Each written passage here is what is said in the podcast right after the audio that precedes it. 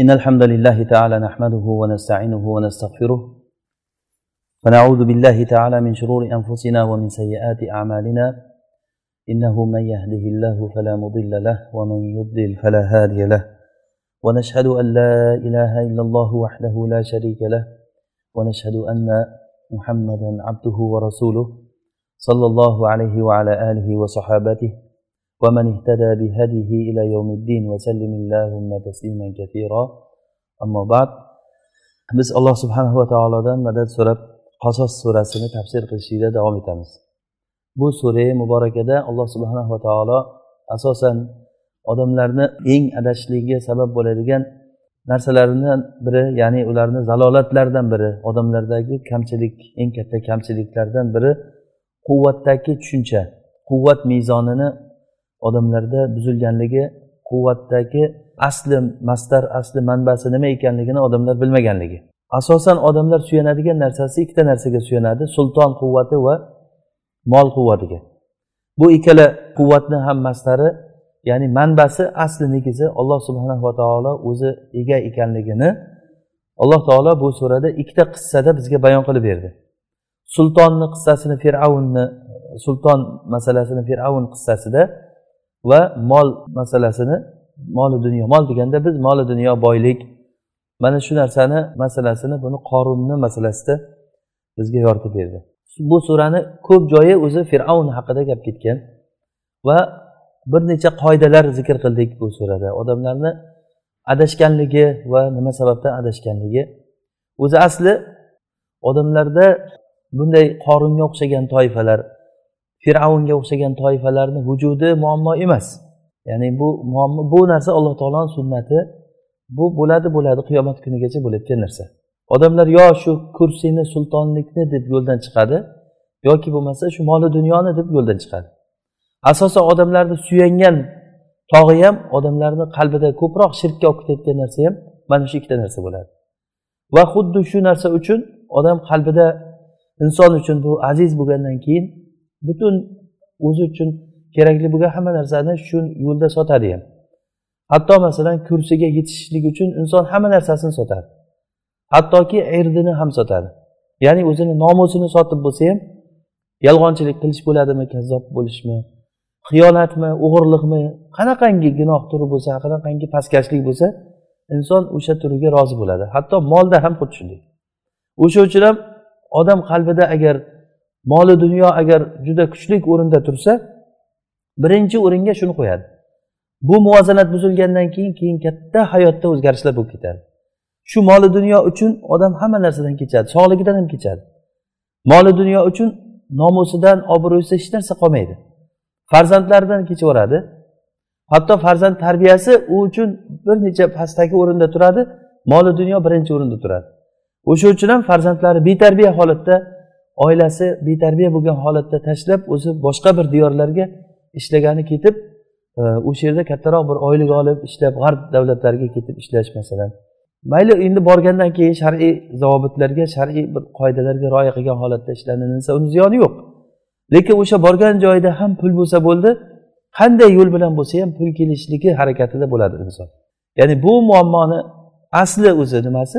Kasallikni bu kasallikni asli kelib chiqishligi inson qalbida hal qiluvchi narsa moli dunyo deb o'ylab qolganligi uchun bo'ladi. Yoki o'sha kursi saltanat. Mana shu narsani qur'on bizga ikkalasini ham hech narsa emas ekanligini va bu moli dunyo va sultonlik davomiy narsa emas bu. Va o'zicha foyda beruvchi ham emas. Foyda beruvchi ham emas zarar beruvchi ham emas. Odamlar o'ylaydi pul topsam bo'ldi foydalanaman hayotdan deb o'ylaydi. Yoki pulim yo'q bo'lsa men hayotda manfaat ko'rolmayman zarar ko'raman deb o'ylaydi. Buni aksini alloh subhanava taolo bir qancha misollarda ko'rsatib qo'ydi. O'zi alloh taolo bizga qissa qilib turib berishligini o'zi insonlarga juda ta'siri katta bo'lishligi uchun. Aslida buni qissa qilmasdan buyruq tarzida aytsa bo'lardi. Masalan sizlar bu saltanatga ishonmanglar moli dunyoga suyanmanglar. Olloh beradi olloh oladi deb aytilgan ham boshqa joylarda nechi joyda? Masalan qulillahumma malikal mulk. Tu'til mulka man tasha va tanzi'ul mulka mimman tasha. Ey ollohim mulk egasi o'zing mulkingni xohlagan kishiga berasan. Xohlagan kishingdan tortib olasan. Tortib olasan deyilyapti. Alloh taolo tortib oladi xohlagan odamidan va xohlagan kishingni aziz qilasan xohlagan kishingni xor qilasan. Demak aziz qiluvchi ham xor qiluvchi ham ollohni o'zi. Mana bunday qoida tarzida alloh taolo aytsa ham bo'ladi. Lekin qalblarga yana ham sobit bo'lishligi buni qissa tarzida bir shaxslarni ko'rinishligida ko'rsatib berishligi judayam qalblarga ta'sirli bo'ladi. Masalan ayub alayhissalomni suratida kasallikka qanday sabr qilish kerakligi hatto shu kasallik u kishini hech joyini qoldirmay qurtlar yeb bitirgandan keyin ham allohga shukur qilib alhamdulillah deb turgan holatda alloh taologa duo qiluvdi. Alloh taolo u kishini kasaliga shifo berdi. Agar hozirgi kunda doktorlar ko'rsa bu odam o'ladi tamom bo'ldi. Deydigan holatdan alloh taolo buyurdiki o'sha turgan joyda tovoni bilan bir yerni tepishlikni yerni tepgan paytda oyog'ini tagidan suv chiqdi. O'sha suvga ichdilar va cho'mildilar. Ichlari ham toza bo'ldi badanlari ham xuddi yosh bolani badanidek silliq badan bo'ldi. Bu qissa tarzida ko'rsatganligi juda yam katta odamga ta'sir qiladi. Xuddi shunday fir'avnni misolini ham alloh taolo qissa tarzida ko'rsatdi. Qorunni misolini qissa tarzida ko'rsatdi. Bir shaxs bo'lib bizni qorunni aynan shaxsi bizga muhim emas. Qur'onga o'zi asli shaxslar muhim emas. Asosan undagi ma'no. Qorun degan bir odam o'tgan u boy bo'lgan va boyligi bilan g'ururlangan o'zini ilmi bilan g'ururlangan. Qola innama utituhu ala ilmin indi. Qorun aytdiki bu menga berilingan narsalar o'zimni ilmim bilan bo'ldi. O'zim tadbirkorligim bilan bo'ldi. Ishladim vaqtida. Ertani erta demasdan kechni kech demasdan ishladim. Lekin u odam o'ylamadiki alloh taolo undan oldingi undan ko'p kuchli bo'lgan odamlarni qoldirmadiku. Undan ko'ra moli dunyosi ko'p bo'lgan odamlar bor edi. Undan ko'ra jamoasi kuchli bo'lgan odamlar bor edi. Lekin alloh taolo ularni qoldirmadiku. Demak yusalu an mujrimun.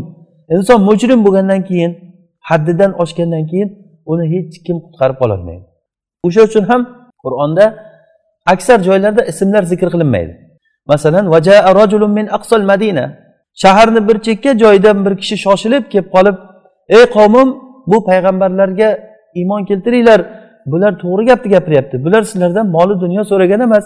Sizlarni yaxshilikka boshqaryaptiku deb gapirgan odam o'sha kishi kim? Mana yosin surasida keladi.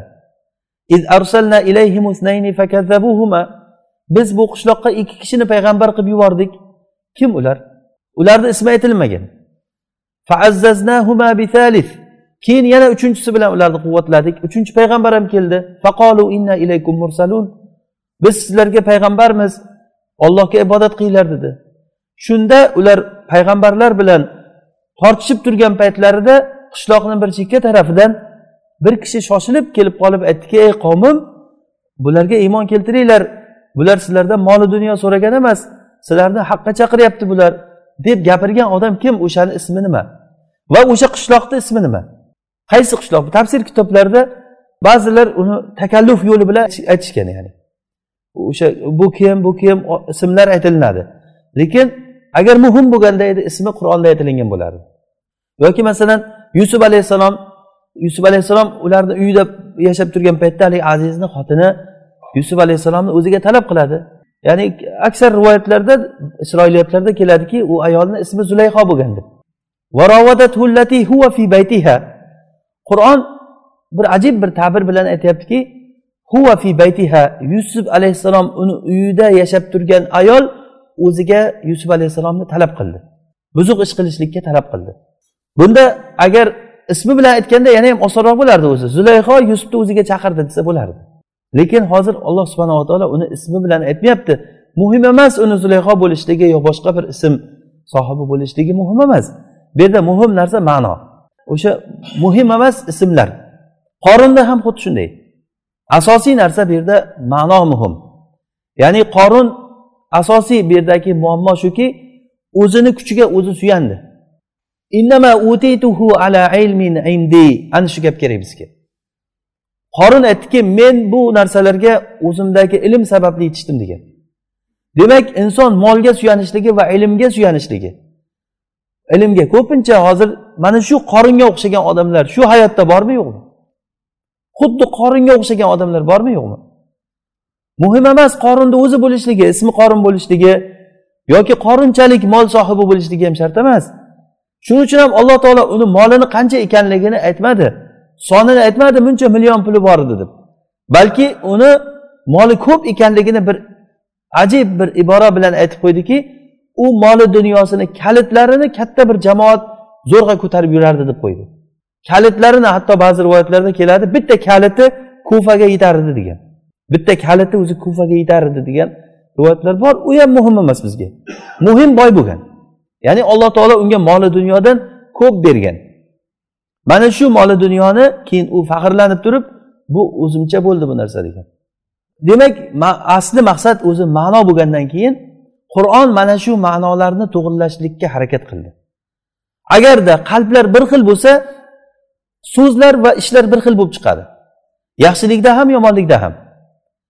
Agar qalblar bir xil bo'layotgan bo'lsa keyingi natija bir xil bo'lib chiqadi.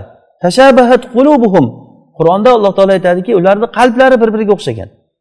Qalblar o'xshagandan keyin kerak bo'lsa o'sha zolimlar aytgan so'zni so'zma so'z aytishligi mumkin hayotda uchratasiz buni rasulullohni davridagi munofiqlar rasulullohga ergashmasdan rasulullohni buyruqlarini bajarmagan paytlaridagi aytgan bahonalari hozirgi kundagi munofiqlarni so'zma so'z aytganligini ko'rasiz.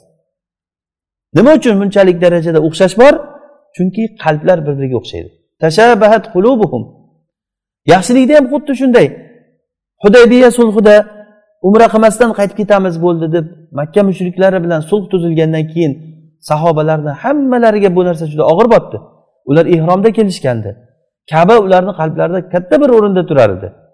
Bo'ldi umra qilamiz. Rasululloh aytdilarki men tushimda ko'rdim kabani tavof qilayotganligimizni dedilar. Sahobalarda shay shubha qolmadi umra qilishlikka. Keyin mushriklar bilan bitim tuzilib sulh tuzilgandan keyin umra qilmasdan musulmonlar shu yili uyga qaytib ketishlik kerak bo'lgandan keyin bu narsa sahobalarga juda og'ir botdi. Hatto umar roziyallohu anhu abu bakrni oldiga borib rasululloh aytganmidilar tushimda ko'rdim deb ha aytgandilar biz musulmon bo'lsak ular kofir bo'lsa nega biz xorlikka rozi bo'lib turib indamasdan qaytib ketaveramiz? Mumkin emasku bizni kabadan qaytarishligi ularni. deb qattiq g'azab bilan gapirganda abu bakr aytdiki u kishi ollohni rasuli vallohi olloh u kishiga yordam beradi va rasululloh hech qachon ollohga osiy bo'lmaydi dedilar. Mana shu aytgan gaplarini keyin rasulullohni oldiga borgan paytda umar rasululloh abu bakrni aytgan gapini so'zma so'z aytib berdi. Ya'ni tashabahat qulubuhum qalblar bir biriga o'xshagandan keyin natija bir xil bo'lib chiqadi. So'zlar bir xil bo'lib chiqadi ishlar bir xil bo'lib chiqadi. Qorunga o'xshagan qalblar qorunni qalbida hozir qorunni qalbida nima bor edi? Uni muammosi nima edi uni muammosi kuch quvvat faqat molda bo'ladi deyilgan edi. Mana shu bilan u yo'ldan ozdi. Alloh taolo kuch quvvat molda emas kuch quvvat ollohda hatto mol o'zicha foyda bermaydi o'zicha zarar ham bermaydi yaxshilikda ham yomonlikda ham. Kerak bo'lsa molsiz ham alloh taolo bir kishilarni foydalantirib qo'yishligi mumkin. Kerak bo'lsa mol bilan alloh taolo shu moli dunyo bilan ba'zi odamlarni azoblab qo'yishligi ham mumkin.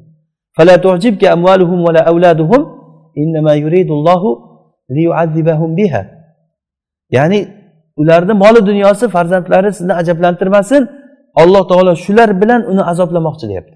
Shu moli dunyosi bilan farzandlari bilan dunyoda azoblanadi u. Ya'ni o'zi aslida inson eng yaxshi narsalar shular deb o'ylaydi.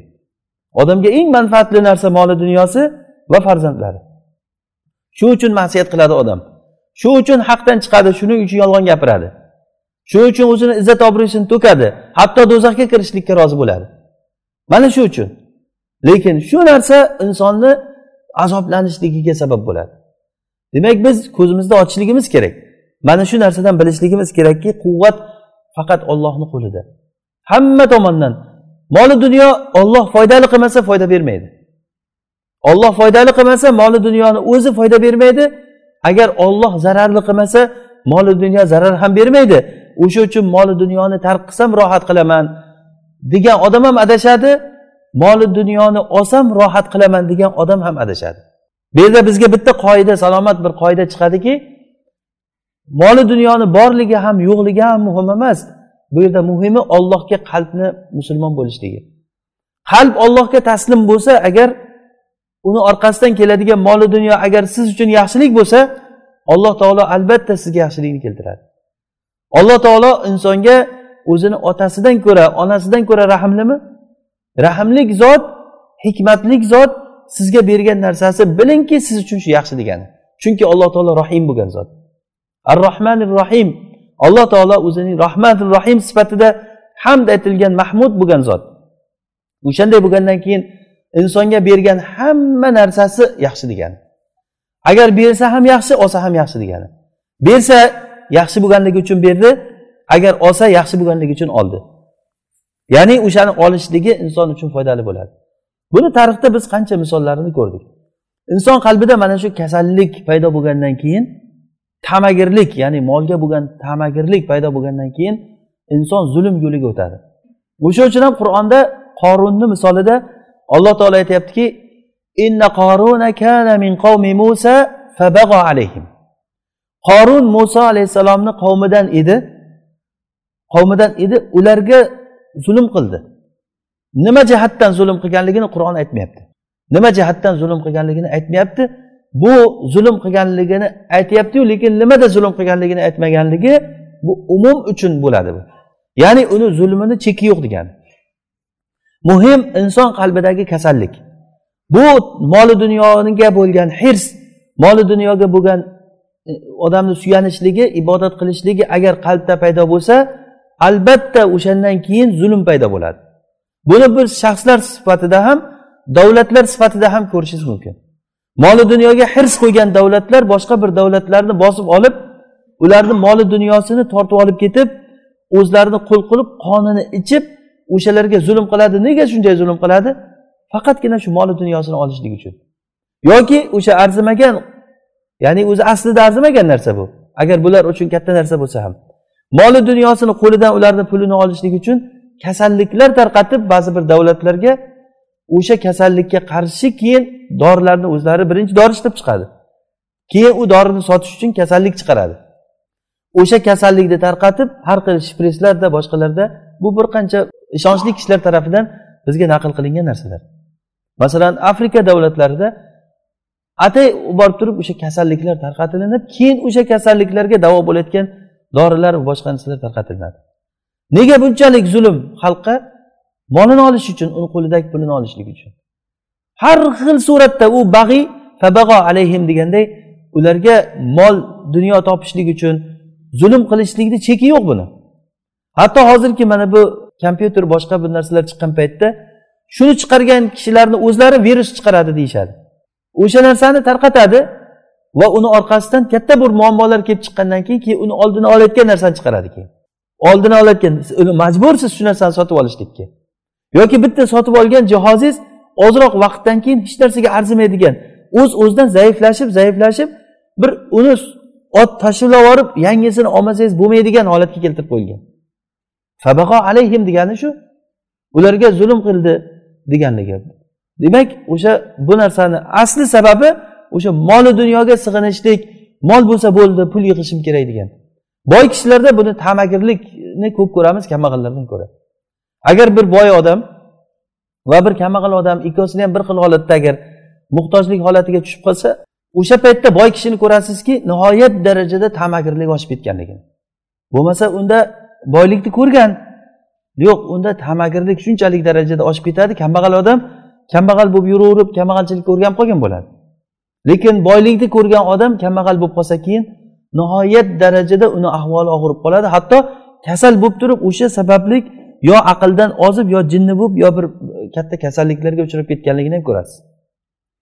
Demak bu kasallik shu hozir biz kasallikni bildik. Nima qilish kerak endi? To'g'ri yo'ldami o'zi? Qur'on mana shu narsani bayon qildiki birinchi o'rinda birinchi o'rinda biz uchun eng roshid bo'lgan to'g'ri bo'lgan yo'l moli dunyo va shunaqangi narsa kelgan paytda siz bu bilan xursand bo'lmang. Qavmi qorunga aytdiki la tafroh innalloha la yuhibbul farihin. Shodlanmagin xursand bo'lmagin bunaqangi kibrlanib xursand bo'lishlikni alloh taolo yaxshi ko'rmaydi. Moli dunyo bilan kim xursand bo'ladi? Moli dunyoda manfaat bor deb e'tiqod qilgan odam xursand bo'ladi. Agarda biz haqiqatdan bilsakki moli dunyoni o'zi manfaatli bo'lmaydi balkim bu zarar bo'lishligi mumkin deb odam aniq bilsa u bilan shodlanmaydi. U bilan shodlanmaydi balkim ba'zi holatlarda bir salaflardan ba'zilarni hayotida o'qiymizki moli dunyo kelgan paytda yomon holatga tushib qolganligini ko'rasiz. Moli dunyo kelib turib bir katta bir yerini sotgan paytlarida men qanday qilib turib oxiratda buni savol javobini beraman? degan ma'noda yomon holatlarga tushib qolganligini ko'rasiz. Nega bunday bo'lgan desangiz ularni qalbida aniq bilganki moli dunyo bu o'zicha o'zi foyda ham bermaydi zarar ham bermaydi. Lekin ko'pincha bu fitnaga sabab bo'ladi. Foyda beruvchi zarar beruvchi ollohni o'zi. O'sha uchun ham mol dunyo kelgan paytda xursand bo'lmang. Ibn abbos roziyallohu anhudan so'ralinganda zohid kishi kim deb so'ralinganda aytdilar agar zohid kishi unga moli dunyo kelsa xursand bo'lmaydigan agar moli dunyosi ketsa xafa bo'lmaydigan odam zohid bo'ladi. Degan zohid degani men dunyodan yuz o'girganman degan zohid kishilarni ko'rasiz to'g'ri dunyodan yuz o'girgan bo'lishligi mumkin. Lekin mansabdan yuz o'girmaydi. Dunyodan yuz o'girdim deganligi ham bir yuzaki narsa bo'ladi. Xuddiki o'zi asli bo'ri qo'yni terisini yopib olgan odamlarga o'xshaydi. Odamlarga gapirayotgan gaplari dunyoni yomonligi uni tashlash. Bu narsani ko'proq mana shu kanisa sohiblarida bu narsani ko'rasiz. Dunyodan odamlarni chetlash dunyodan zohid ko'rsatib o'zini uylanmasdan kanisalarga borib biz uylanmaymiz. Biz oxirat uchun o'zimizni ajratgan odamlarmiz dunyoni tamoman tark qilgan odamlarmiz deb davo qiladi ular. Va shuni asnosida odamlardan pul yig'ishga harakat qiladi. Borgan odamlarga keyin hattoki shu darajagacha borildiki ularga jannat yerlarini sotishgacha o'tdi bular. Jannatda kimga yer kerak desa menga kerak desa shu qancha joy kerak? Bunchasi muncha puldan deb turib jannatni yerini hujjatini yozib beravergan bular. Nima ketyapti bularda? Shular o'zlarini eng zohid odamlar eng rabboniy odamlarimiz deb davo qilishgan. Demak masala davo bilan bo'lmaydi. O'sha uchun ham salaflar ba'zilari aytishganki zohid zohid deysizlar haqiqiy zohid umar ibn abdulaziz degan. Umar ibn abdulaziz xalifa edi. Lekin o'sha xalifa bo'lgan paytda bu kishi farzandlariga yigirma dirhamdan pul qolgan ekan. Merosi bo'lingan paytda yigirma dirhamdan qolgan. Har bitta bolasiga. Undan oldingi xalifalar bolalariga yuz ming olti yuz ming dinor tashlab ketganlar bo'lgan ekan.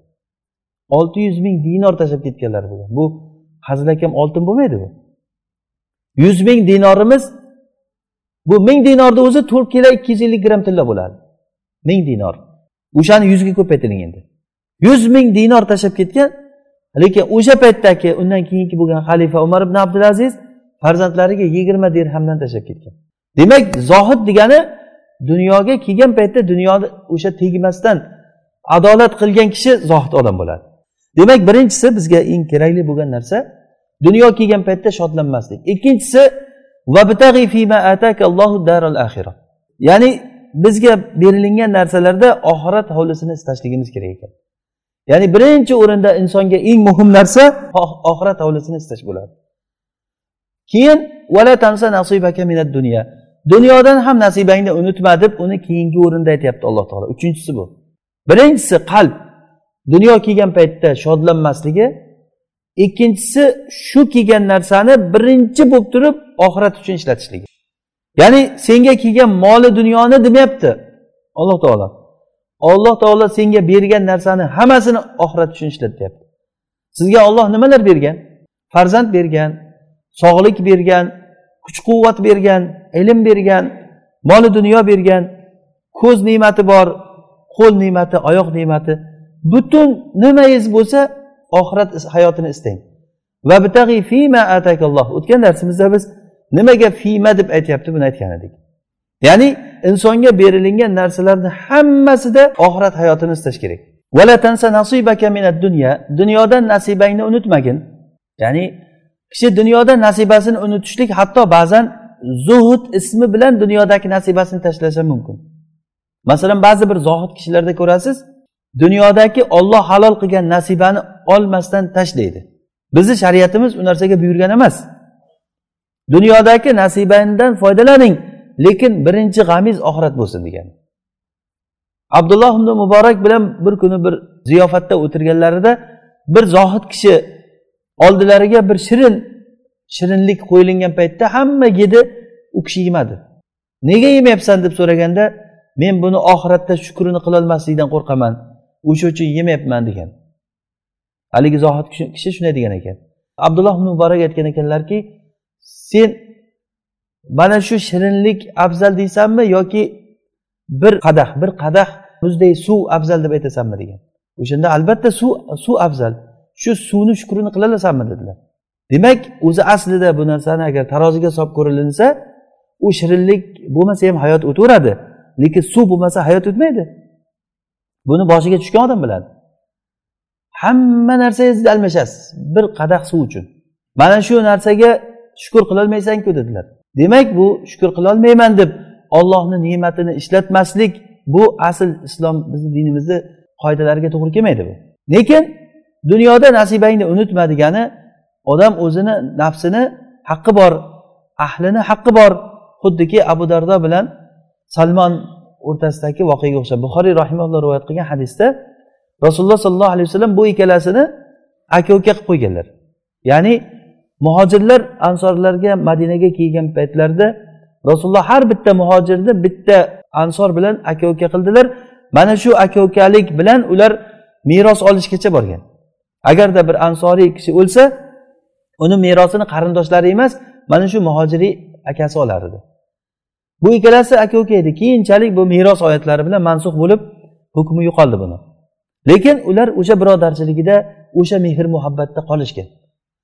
Bir kuni salmon abu dardoni uyiga kelsa abu dardoni xotini judayam xarob holatda yurganligini ko'rgan. Kiyimlari eski juldur kiyimlar kiyib yurgan. Nega ahvoling bunaqa desa seni akang abu dardoni dunyo bilan ishi yo'q degan. Faqat ishi oxirat bilan ibodat bilan. Menga ham qaramaydi oilasiga ham qaramaydi mana shu ahvoldamiz degan. Keyin abu dardo keldi abu dardo kelgandan keyin ovqat qildi ovqatni ye deganda salmonga ye dedi men ro'zaman dedi abu dardo salmon endi mehmon edi. Aytdiki yeysan sen yemasang men ham yemayman degan. Ro'zasini ochtirdi haligi kishini. Ro'zasini ochtirdi keyin ikkalasi birga ovqat yedik. Keyin kechqurun bo'lgandan keyin joy solib berib salmonga yoting deganda keyin o'zi namoz o'qishga turdi abu darda. Kechasi bilan namoz o'qib chiqar ekan. Shunda namoz o'qishga turganda yotgin dedi. Sen yotmasang men ham yotmayman degan. Majburlab salmonni yotqizdi. Keyin ozroq uxlagandan keyin keyin turib namoz o'qiyman deganda yot degan turma degan yana yotgan kechasini oxirgi uchdan biri kelgan paytda oxiri kelgan paytda keyin salmon turib tur endi namoz o'qiymiz deb birga ikkalalari barabariga namoz o'qidilar keyin subuh bo'lgandan keyin rasulullohga borib bo'lgan voqeani aytib berdi abu darda. Shunday bo'lganda rasululloh salmon to'g'ri gapiribdi dedilar. Sadaqa salmon. Salmon to'g'ri gapiribdi. Seni o'zingni haqqing bor ustingda. Seni ustingda ahlingni haqqi bor va seni mehmoningni haqqi bor ollohni haqqi bor va mehmonlarni qo'shnini haqqi bor ba'zi rivoyatlarda. Har bir haq egasiga haqqini bergin mana bu zuhd bo'ladi. Demak zuhd deganda haqdorlarga haqni berib keyin dunyodan yuz o'girish kerak degani. Inson zuhd ismi bilan o'zini shu dunyodagi ne'matlardan mahrum qilishligi bu zuhd degani emas bu. Yoki ba'zi odamlar bilmasdan turib dunyoni o'ziga mahrum qiladi. Masalan dunyoni jamlash ishqiga tushgan kishilar ko'rasizki dunyodan foydalanmaydi. Hatto o'zini egniga bir yangi kiyim kiymaydi oyog'iga bir yangi narsa olib kiymaydi. Shu bilan huzur qiladi. Biz o'tgan darsimizda aytgan edik bir kishini bir nimasi. Ko'chada gadaychilik qilib pul topgan ko'zi ojiz odam. Hatto o'sha o'lgandan keyin topgan pulni hammasini bankka qo'yib qo'yaverar ekan. Bolalari bo'lgan to'rtta beshta farzandlari ham bor ekan. Farzandlariga ham bermagan shuni. To'satdan o'lib qolgan bu odam. O'lgandan keyin uydagi nimalari uyi qulab tushgan yashashni iloji bo'lmay qolgan uydan chiqishlikka majbur bo'lgan xotini bolalari borib bir joydan bir kichkinagina joyda ijaraga olgan ikki yildan keyin bankni mandubi ularni topib borgan bankni mas'uli. Falonchi shu yerda yashaydimi deb. Shu yerda yashash kerak edi lekin u dunyodan o'tib ketgan nima edi deganda uni bankda bizda puli qolib ketgandi omonati. Alhamdulillah topdim. Ikki yildan beri izlaymiz u odamni qayerda deb degan. Qancha pul qolgan deb o'ylaysizlar buni shayx aytib beryapti bo'lgan voqea shu. Saudiyada bo'lgan voqea ekan shu. Qancha pul qolgan bo'lishi kerak deb o'ylaysizlar? Mumkin. o'n million riyol pul qolgan ekan. o'n million riyol. Shuncha pulni ya'ni jamlagan shuni. Lekin o'ziga ham farzandlariga ham shu narsani ishlatmagan. Alloh taolo aytyaptiki o'ziku asli bunaqa qilib odamlardan tilamchilik qilib turib pul olib boyishligi o'sha bilan tirikchilik qilishligi o'zi harom narsa bu shariatda. Bu halol bo'lmaydi bunday qilib tirikchilik qilish. Lekin o'sha ishni ham qilganda yana o'ziga ham ishlatmagan. Alloh taolo mahrum qilganligi shu yerda. Uni kasali xuddi qorinni kasaliga o'xshaydi. Qorin bilan bir xil kasallik lekin shakli sal boshqacharoq ko'rinishda qorin o'zini ilmi bilan topdim bu molni deb o'ylaydi. Bu bo'layotgan bo'lsa bir joydan kelyapti lekin baribir ham o'sha molni sarflamaydi shuni. Dunyodan nasibangni unutmagin. Demak dunyoda nasibani unutmaslik yo uni zuhud ismi bilan bo'ladi halol narsalarni o'ziga harom qiladi.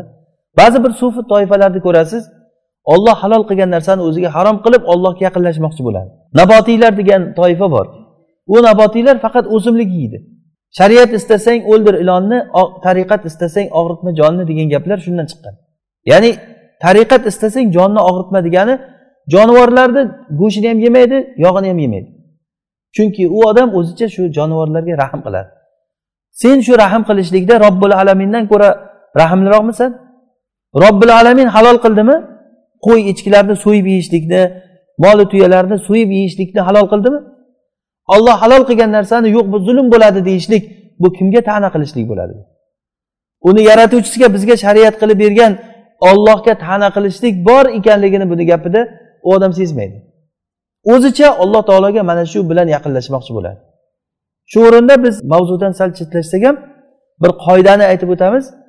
Ya'ni al aslu fil ashya al ibaha degan qoida aytgan ulamolar. Asli narsalardagi aslisi halolligi. Haromligiga dalil kelmaguncha uni biz halol deb e'tiqod qilamiz. Masalan siz bir afrikani bir shahriga borib qoldingiz oldingizdan bir o'simlik chiqdi. Nimaligini bilmaysiz. O'sha mahalliy aholi uni yeyapti uni. Yeydigan narsa bo'ladigan bo'lsa uni haromligi qur'oni sunnada aytilmaganmi? Demak u halol degani ishlarda hamma ishlar hamma narsalar yeydigan narsalar hammasi halol degani. Harom bo'lgan ishlar aytilingan u tijorat bo'lsin boshqa bo'lsin. Aslisi bu halolligi agar harom bo'lsa aytilingan bo'ladi. Bu narsa ancha katta bir qoida. Agar buni yaxshi tushunsak bizni oldimizda ko'p yaxshiliklar ochiladi. Ya'ni aslisi halolligi. Ba'zi bir odamlardan ko'rasiz mana halolmi? Mana halolmi? deb so'rash savollari ko'p bo'ladi. Harom narsani bilib oling qolgani halol buyog'i harom narsani biling buyog'i hammasi halol degani. Haromni qur'onda sanab aytgan. Ya'ni qul taalav atlu ma harrama robbukum alaykum. Bu yoqqa kelinglar sizlarga men robbilaring harom qilgan narsani aytib berayin deb alloh taolo harom bo'lgan narsalarni aytib berdi. Harom narsalarni aytib berdi qolgani halol degani. Shuning uchun ham qoida shuki al aslu fil ashya al ibaha narsalardagi aslisi uni muboh ekanligi aslisi halol ekanligi. Va to'rtinchisi va ahsin kama ahsanallohu ilayk. Alloh taolo sizga yaxshilik qilganday yaxshilik qiling. Demak moli dunyo kelgan paytda biz birinchi bu bilan shodlanmasligimiz kerak ekan. Ikkinchi bu dunyo moli dunyodagi asosiy maqsad oxirat bo'lishi kerak ekan. Asosiy sarflanadigan foydali narsa oxirat bo'ladi. Val axiratu xayru va abqo alloh taolo aytyaptiki oxirat ham yaxshi ham boqiy. Agar oxirat yaxshi bo'lmasdan boqiy bo'lganda ham aqlli odam oxiratni istash kerak edi. Lekin oxirat ham yaxshi ham boqiy. Bu dunyo boqiy emas. Ham yaxshi ham emas. Bu dunyodagi qaysi bir lazzatni ko'ring bulg'angan lazzat. Yaxshi yashab turgan joyingizda bir muammo chiqadi. Hamma tomondan hamma narsasi bor kishini farzandi yo'q. Farzandi ko'p odamlarni puli yo'q. Puli bor farzandi bor bo'lgan odamlarni tinchligi yo'q. Xotini yeydi har kuni janjal uyda ikkita xotini uylangan kishilarni bu yoqda ko'rgan odamlar ha mazza qilib yuribdi bu ikkita xotini bor deydi. O'zidan o'tganda o'zi bilib yurgan bo'ladi u. har kuni janjal har kuni janjal mojaro janjaldan bosh chiqmaydi ya'ni bu dunyoni ne'mati lazzat lazzatlari bulg'angan lazzat. Hattoki muboh bo'lgan taom ham shunday. Agar shu taomdan ko'proq tanovul qilsangiz o'zingizni azobingizni o'zizdan chiqarib qo'yadi alloh taolo. Shunday semirtirib qo'yadi tamom o'zidan o'zi bo'lib qolasiz. Ya'ni bu hatto halol muboh bo'lgan narsa shu narsa ham lazzati bulg'angan bo'lgandan keyin hatto suvni oling ham hatto nimani olsangiz ham hatto havoni oling. Eng oson biz oladigan havomiz shuni ham agar tekshirsangiz qanchalik havodagi narsalar bizni ichimizga kirib ketayotgan bo'ladi hozir. U bilan vasvas bo'lib qolsa odam keyin hamma narsaga e'tibor bergan suv ichma havo olma og'ziga keyin latta bog'lab yurish kerak bo'ladi. Ha desa buncha mikrob bor buncha narsa bor. Bir eshitgan edik o'zbekistonga yaponiyadan bir mehmonlar kelgan paytda samarqandni bir joyidan bir o'ran chiqadigan joy bor. Hammasini yonida bir apparatlari bor ekanki o'rani bor joyga borgandan keyin haligi titillab ovoz chiqarib qolar ekan. Hammani apparati titillab qolibdi haligi joyga borganda. Xalq yashab yotibdi to'y qilib boshqa qilib tug'ilib o'lib yuzga kirib o'lganlari bor o'sha odamlarni. Yashab yotibdimi yo'q ular o'sha yerga kirmasdan qaytib ketdi o'sha yerdan. Bizga mumkin emas bu yerda zaharlanamiz deb. Ya'ni bu o'ylasangiz bu dunyoni lazzati nima? Bulg'angan. Ammo oxiratniki bo'lsa sof musaffo ne'mat. Juda bo'lmaganda dunyoda agar faraz qiling hamma narsa yaxshi. O'zi asli yo'q narsa bu. Faraz qiling yaxshi yashadingiz. Hech bir kasal ham bo'lmadingiz hech bir narsa bo'lmasa ham eng yomon qarib qolasiz kuch ketib qoladi o'zidan o'zi ko'z ko'rmay qoladi quloq eshitmay qoladi. O'zidan o'zi odam bor narsasi zokirada bor narsa esdan chiqib ketaveradi pamyatdan o'chib. Kecha bilgan narsangizni bugun bilmay qolaverasiz. Ya'ni bu alloh taoloni sunnati shunday bo'ldi. Hech nima yomonlik ko'rmasa ham ma'lum bir joyga borgandan keyin yetmish sakson yosh bo'lgandan keyin boringki to'qson boringki yuz yosh bo'lgandan keyin u odam hatto shunchalik darajaga borib qoladiki inson o'lgisi kelib qoladi odam ba'zi paytga borib. Boshqa narsa emas bu. Inson bu dunyoni lazzatini alloh taolo mana shunday qilib turib bulg'angan lazzat qilib yaratgan. Odam yaxshi yashashlikka harakat qiladi. Hammamizni niyatimiz shu. Kimga qarang yaxshilikka qarab intiladi. Lekin yaxshilik butkul yaxshilik shariatga amal qilishdan boshqa narsa emas. Hamma narsa joyiga keladi. Agar shariatga amal qilinsa inson nasibasidan nimasidan o'zini haqqidan kechsa shariat turgan joyda shariatga taslim bo'lsa mana shu odam hayotda eng yaxshi hayotda shu odam yashaydi. Inshaalloh darsimiz hali vaqtimiz qolsa bu ehson to'g'risidagi gaplarimizda keladi. Ya'ni alloh taolo aytyaptiki va ahsin kama ahsanallohu ilayk. Alloh taolo sizga qanday yaxshilik qilgan bo'lsa yaxshilik qiling. O'zi asli bundan oldin sizga olloh taolo bergan narsalarda oxirat hovlisini istang deb aytyapti alloh taolo. Oxirat hovlisini istashga ehson kirmaydimi o'zi? Nimaga bu yerda yana takror va ahsin kama ahsanallohu ilayk deb aytyapti? Buni va ahsin kama ahsanallohu ilayk deganini ikkita vajh bor. Birinchidan yaxshilik ollohdan ekanligini bildirish uchun aytyapti alloh taolo bu yerda. Ya'ni siz yaxshilik qiling. Bilingki sizdagi qo'lingizda siz yaxshilik qilayotgan narsalaringiz ehson qilayotgan narsalaringiz bular hammasi ollohniki degan. Bu narsa hamma mo'min odam bu narsani qoyil bo'ladi tan oladi.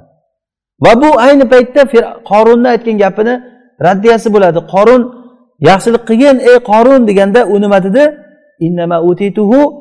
Ala ilmin indi. Men o'zimdan bo'ldi bu narsalar hammasi. O'zimda ilmim bilan tajribam bilan bo'ldi. Tijoratlarni yaxshi qildim vaqtida deganiga teskariki olloh senga ehson qilgan shundan ehson qilgan. Ya'ni odamga eslatish bo'lyaptiki bilginki seni qo'lingdagi narsalar hammasi ollohniki ustida kiyib turgan kiyimlar qayerdan kelgan?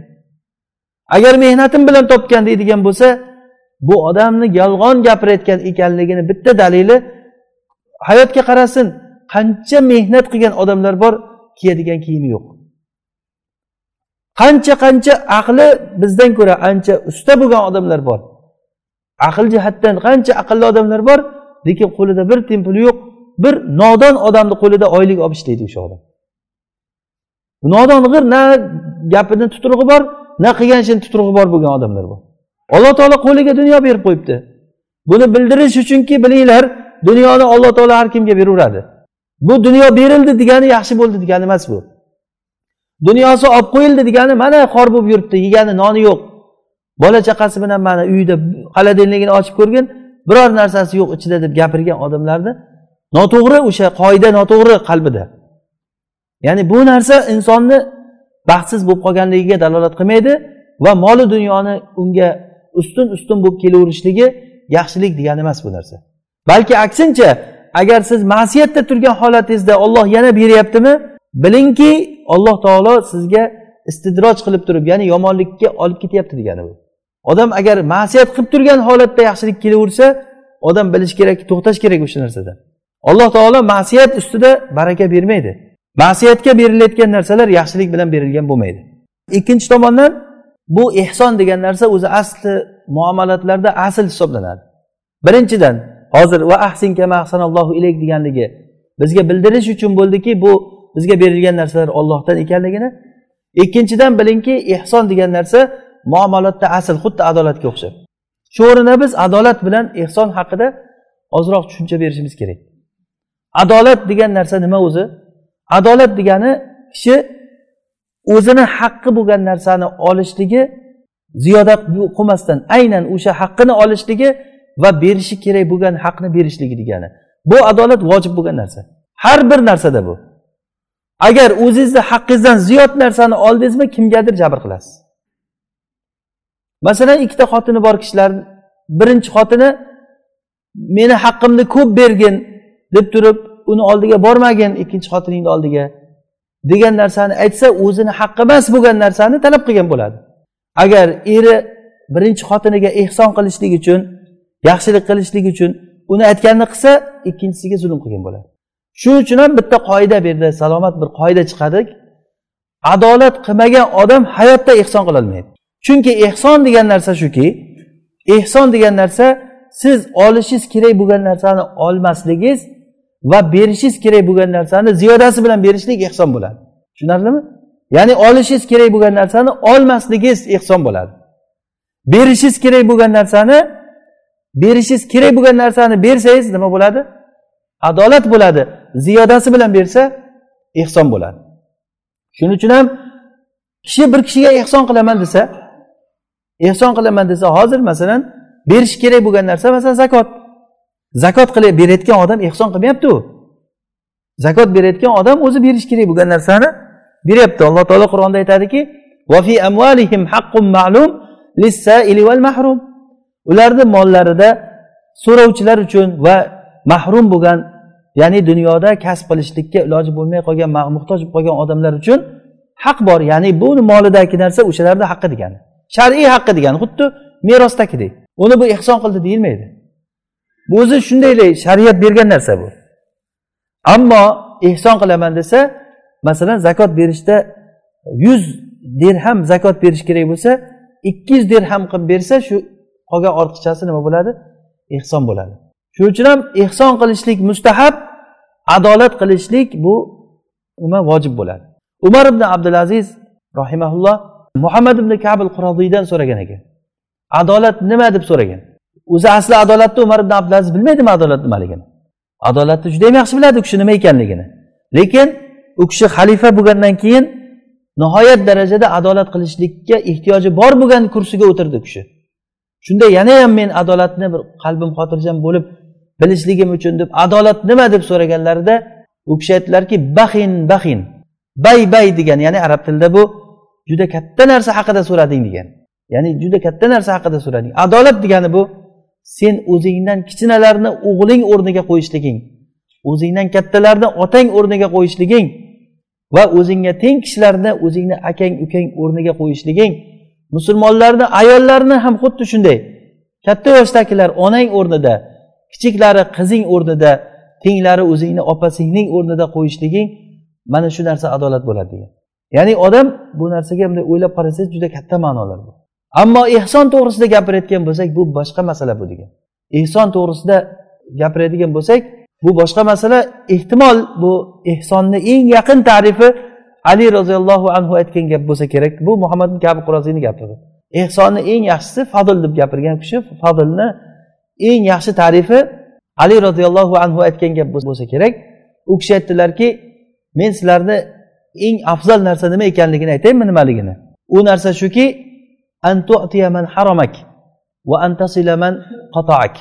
senga mahrum qilgan senga hech narsani bermagan odamga berishliging ehson bo'ladi. Va seni uzib qo'ygan odamga aloqani tiklashliging ehson bo'ladi. Ammo uzmasdan turib aloqa bo'lishligi bu adolat bu. Biz buyurilgan narsa. Mo'min kishiga salom berishlikka buyurilgansiz yaxshi ko'rsangiz ham yomon ko'rsangiz ham salom berishlikka majbursiz. Lekin uni yuziga kulib boqishligingiz ehson bo'ladi. Ya'ni adolatdan ziyoda oshiqcha narsa bo'ladi. Demak shundan biz bir xulosa qilishimiz mumkinki ehson bilan adolatni agar ikkovini yonma yon qo'ysak adolat ehsonga olib borayotgan narsa bo'ladi. Adolat qilmagan odam hayotida ehson qilolmaydi. Agar ehson qilgan bo'lsa ham u olloh uchun qilmagan bo'ladi. Chunki agar olloh uchun qilganda edi birinchi adolat qilish kerak edi. Bu narsani har bir narsada ko'rishligingiz mumkin. Odam o'sha uchun hozir bu darsimizdan ham o'zi maqsad nima? Foydali ilmni ollohdan so'raymiz bizga eshitganlarimizga alloh taolo amal qilishlikka o'zi tavfiq bersin. Bu narsa qiyomat kunida biz hammamiz uchun hujjat bo'layotgan narsalar bular. Agar shu hayotda o'zimizni o'zimiz to'g'irlamaydigan bo'lsak hozir tirik paytimizda to'g'irlamasak ertaga o'lganimizdan keyin pushaymon bo'lamiz o'rniga tushmaydi. Eng muhim narsa biz adolatni tiklashligimiz kerak. Hammamiz zolimdan shikoyat qilamiz. Zolim yo'q bo'lsin zolim yo'q bo'lsin. Lekin aksar odamlarni hayotiga qarasangiz hayotida zolim bo'lib o'tirgan bo'ladi. Hayotida zolim bir sherik bo'lib ishlasa sherigiga zulm qiladi yoki xotinlar eriga zulm qilgan erlar xotiniga zulm qilgan. Juda ko'p bu masalalarni hayotda ko'p ko'p eshitasiz bu narsani. Bu narsa zulm bo'lgan narsa adolatsizlikdan kelib chiqadi. Adolat zulm adolatsizlik degani. Aynan berish kerak bo'lgan narsani bermasa yoki ortiqcha talab qilsa ya'ni hech qanaqangi bir o'rinsiz joyda menga berasan deb turib olsa masalan hozir o'rtada mana shu bitta bir qadah suv bor. Shuncha odamga. Kim ichishi kerak buni? Boshqa odamga yo'q bo'lsa masalan hammaga yetmaydi. Bunda o'z o'zidan keyin adolat nimani talab qiladi? Qura tashlashligimiz kerak. Qura tashlasak agar qura kimni chekiga tushsa o'sha odam bunga haqli bo'ladi o'shaniki bo'ladi qura tashlagandan keyin. Qura tashlasak agar qura bir kishiga chiqsa boshqa bir odam kelib turib shuni menga berasan desa nima bo'ladi bu? Zulm bo'ladimi? O'sha paytda atrofdagi odamlar nima qilish kerak? Qarab o'tiraverish kerakmi yo zolimni qo'lini tiyish kerakmi? Zolimni qo'lini tiyish kerakmi? Hozirgi kunda ko'rasiz oilaviy janjallarni aniq bittasi zolim bo'lib turganligini ko'rasiz. Nega shunda atrofda ko'rib o'tirgan odamlar voy birodar sen hozir zolimsan mana shu joyda adolat qilishliging kerak demaydi? Nimaga bir birimizga shu narsani bir nasihat qilmaymiz. Bir birimizni yuz xotir qilamiz. Yaqin birodaringiz zolim ekanligini bilib orqasidan gapirib yuradi. O'zi bu xato qilib yuribdida deydi. Men necha marta aytganman deb orqasidan gapirib yuradi birodarini. O'sha zolimni qo'lidan tiyib qo'yishligingiz unga sizni adolatingiz bo'ladi. Unsur ahoka zoliman av mazluma. Rasululloh sollallohu alayhi vasallam aytdilarki birodaringga zolim bo'lsa ham yordam ber mazlum bo'lsa ham yordam ber. Sahobalar aytishdiki rasululloh bu johiliyatdagi qoida ediku bu. Birodaring zolim bo'lsa ham yordam ber mazlum bo'lsa ham. Mazlum bo'lsa to'g'ri yordam beramiz. Zolim bo'lsa qanday qilib yordam beramiz? Rasululloh aytdilarki zolim bo'lgan paytda uni qo'lini tiyib qo'yishliging unga seni yordaming bo'ladi. Mana bu agar shu ishni qiladigan bo'lsak bizni hayotimizga alloh taolo baraka beradi. Ollohni nusrati keladi bu jamoatga. Agarda zulm bo'lib turib hamma odam tomosha qilib turaversa bani isroilni alloh taolo payg'ambarlarni o'ldirganlik bilan aybladi. Payg'ambarlarni o'ldirdinglar deyildi ularga. Vaholanki ular hammasi o'ldirgan emasku payg'ambarlarni. Kimlardir o'ldirgan qolganlar o'shanga rozi bo'lib qarab o'tirgan. Samud qavmi solih alayhissalomni tuyasini so'yganlikda alloh taolo ularga ayblab sizlar tuyani so'ydilaring deb aytdi. Vaholanki ular hammasi so'ygan yo'q ediku tuyani. Ba'zi bir kishilar ya'ni eng yomon qavmda yomon kishisi turib so'ygan edi. Ya'ni eng qavmni yomoni turib o'sha tuyani so'ygan edi o'shanda alloh taolo faaqaruha deyapti. U tuyani qavm so'ydi deyapti. Demak bu narsaga bir zulmga tomosha qilib qarab o'tiravergan odamlar hammasi bitta hukmda bo'ladi. Agar bilib turib o'sha zulmni bilib turib aralashmaydigan bo'lsa albatta bu narsada bir ijobiyroq bo'lishi kerak bir birimizga bir nasihat qilishimiz kerak. O'shanday bo'ladigan bo'lsa boshqa narsalar o'z o'zidan joyiga keladi inshaalloh. Imom feruzabodiy rahimaulloh ehson to'g'risida gapirib aytgan ekanlarki ehson degani bu ollohni xalqiga inom qilishliging degan ma'noda keladi. Biz bu o'zimiz tilimizda ehson deb shuni tushunamiz ehson deganda yaxshilik qilish birovga bir narsa berishni tushunamiz. Ikkinchi ma'nosi qiladigan ishni yaxshi bajarish ma'nosida keladi. Ehson degani ya'ni qiladigan ishni yaxshi bajarish. Masalan namoz o'qiyapsiz. Namozda ehson nima degani? O'sha namozni eng mukammal ko'rinishda o'qish degani eng mukammal ko'rinishi qanday bo'ladi? Olloh sizni ko'rib turganday deb xayol qilib o'qishligingiz jibrilni hadisida keladi. Jibril alayhissalom rasulullohni oldilariga bir arobiy suratida kelib turib rasulullohdan dinda ba'zi bir savollarni so'raydi. O'sha so'ragan savollardan biri ehson nima? deb so'raganda rasululloh aytdilarki al ihsanu an ta'buda robbaka kaannaka tarahu fa in lam takun tarahu fa innahu yaraka. Ehson degani sen ollohga ibodat qilishliging xuddi sen ollohni ko'rib turganingdek. Buni rasululloh namozda misol qildilar. Ehson degani ollohni ko'rib turganday namoz o'qishliging. Agar ko'rib turganday bo'lmasang ham olloh meni ko'rib turibdi degan e'tiqod bilan namoz o'qishliging. Demak ehson deganda bu holatni odam mana shu eng yaxshi holatni saqlab qolishlik ehson bo'ladi. Mana bu umumiy ma'no bo'ladi. Xuddi shuni ibn qayim rahimaulloh ehson haqida gapirganlarida ehson uch turlik bo'ladi. Birinchisi inson maqsadidagi ehson ya'ni inson niyatini xolis olloh uchun qilib olishligi va ikkinchisi ikkinchisi qasdini olloh uchun qilishligi va uchinchisi holatni tozalash holatni musaffo qilish degan ana shu holatni tozalash degani masalan ramazonda ko'rasiz bir odamlarni ibodati boshqacha bo'lib qolgan kechalari tahajjud o'qilingan. Masalan ramazondan keyin kim tahajjud o'qidi? Masalan ramazonda kechasi bilan tajud o'qidi masalan ba'zilar to'g'rimi? Ramazondan keyin shu holatni kim saqlab qoldi? Ramazonda o'qilingan qur'on qani? Ramazondan keyin o'qilyaptimi? Ramazondagi o'sha bir ruhoniyat bir odamni qalbidagi taqvo intilishliklar shuni saqlab qolishlik ehson bo'ladi. Ya'ni buni otini tasfiyatul hal deb ataydi. Holatni saqlab qolishlik. Namozda masalan ba'zan namoz namoz bilan namoz farqi bor. Masalan namoz o'qigan paytingizda bir oyatlar odamni xayolidan o'tib ma'nosiga tushunib odamni ko'ziga yosh kelib turib ollohni ko'rganday namoz o'qib eng yaxshi holatingizni tasavvur qilib ko'rsangiz ana shu holatda ushlab turishlik ehson bo'ladi. Bu boshqa narsalarga xuddi shuni qiyos qilaverasiz. Ro'za tutishda aytasizmi? Yoki nafaqa qilishda masalan? Ehson degani nafaqa qilishdagi ehson eng toyib bo'lgan eng halol bo'lgan narsani eng yaxshisini eng yaxshi joy deb o'ylagan joyingizga berish bo'ladi. Mana bu ehson bo'ladi.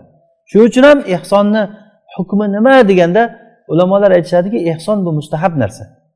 Hamma odam ham ehsonni qilavermaydi lekin adolat bu vojib bo'lgan narsa. Adolat qilmagan odam fosiq bo'ladi. Adolat qilmagan odam zolim bo'ladi. Qaysiki bir odam qilish kerak bo'lgan narsani qilmasa u zolim bo'ladi. Xoh u o'zi uchun bo'lsin xoh robbisi uchun bo'lsin xoh xalq uchun bo'lsin. Buni biz odoblar axloqlar haqida gapirganda eslaringizda bo'lsa ramazonda buni to'liq gapirgandik. Odob axloq olloh bilan bo'ladi odob axloq rasululloh va u kishini shariati bilan bo'ladi va odob axloq bor ollohni xalqi bilan bo'ladigan odob axloq. Sizni ustingizda ollohni haqqi bor va o'zingizni nafsingizni haqqi bor. Shu haqqni berishlik bu to'liq bersangiz o'sha agar haqni bersa adolat bo'ladi. Ziyoti bilan berishlik bu ehson bo'ladi.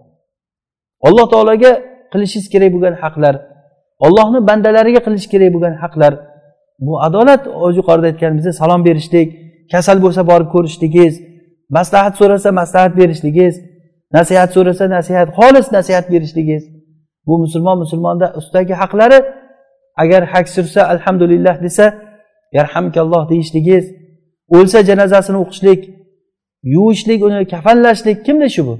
Albatta bu mo'minlarni ustidagi mo'minni haqqi bo'ladi. Men unga yaxshilik qildim falonchaga yaxshilik qilganman uni olib borib ko'mganman o'zim.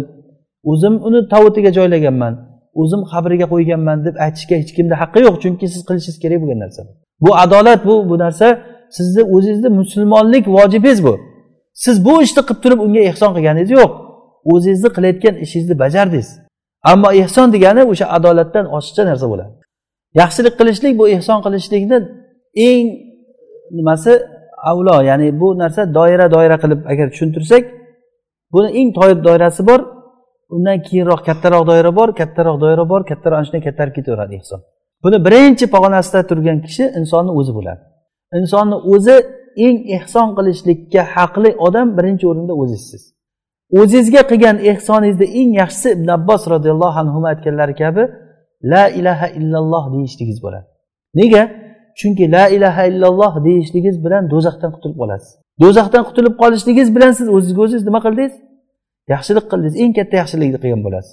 Alloh taolo aytadiki in ahsantum ahsantum li anfusikum. Agar sizlar yaxshilik qilsanglar o'zlaring uchun qilgan bo'lasizlar degan. Demak bu yaxshilikni eng birinchisi insonni o'zi. Keyingi doiradagi ehsonga loyiq kishi insonni eng yaqin odamlaridan bo'lgan eng yaqini ota onasi bo'ladi. Yaxshiligingizga eng yaqin odam ota ona bo'ladi.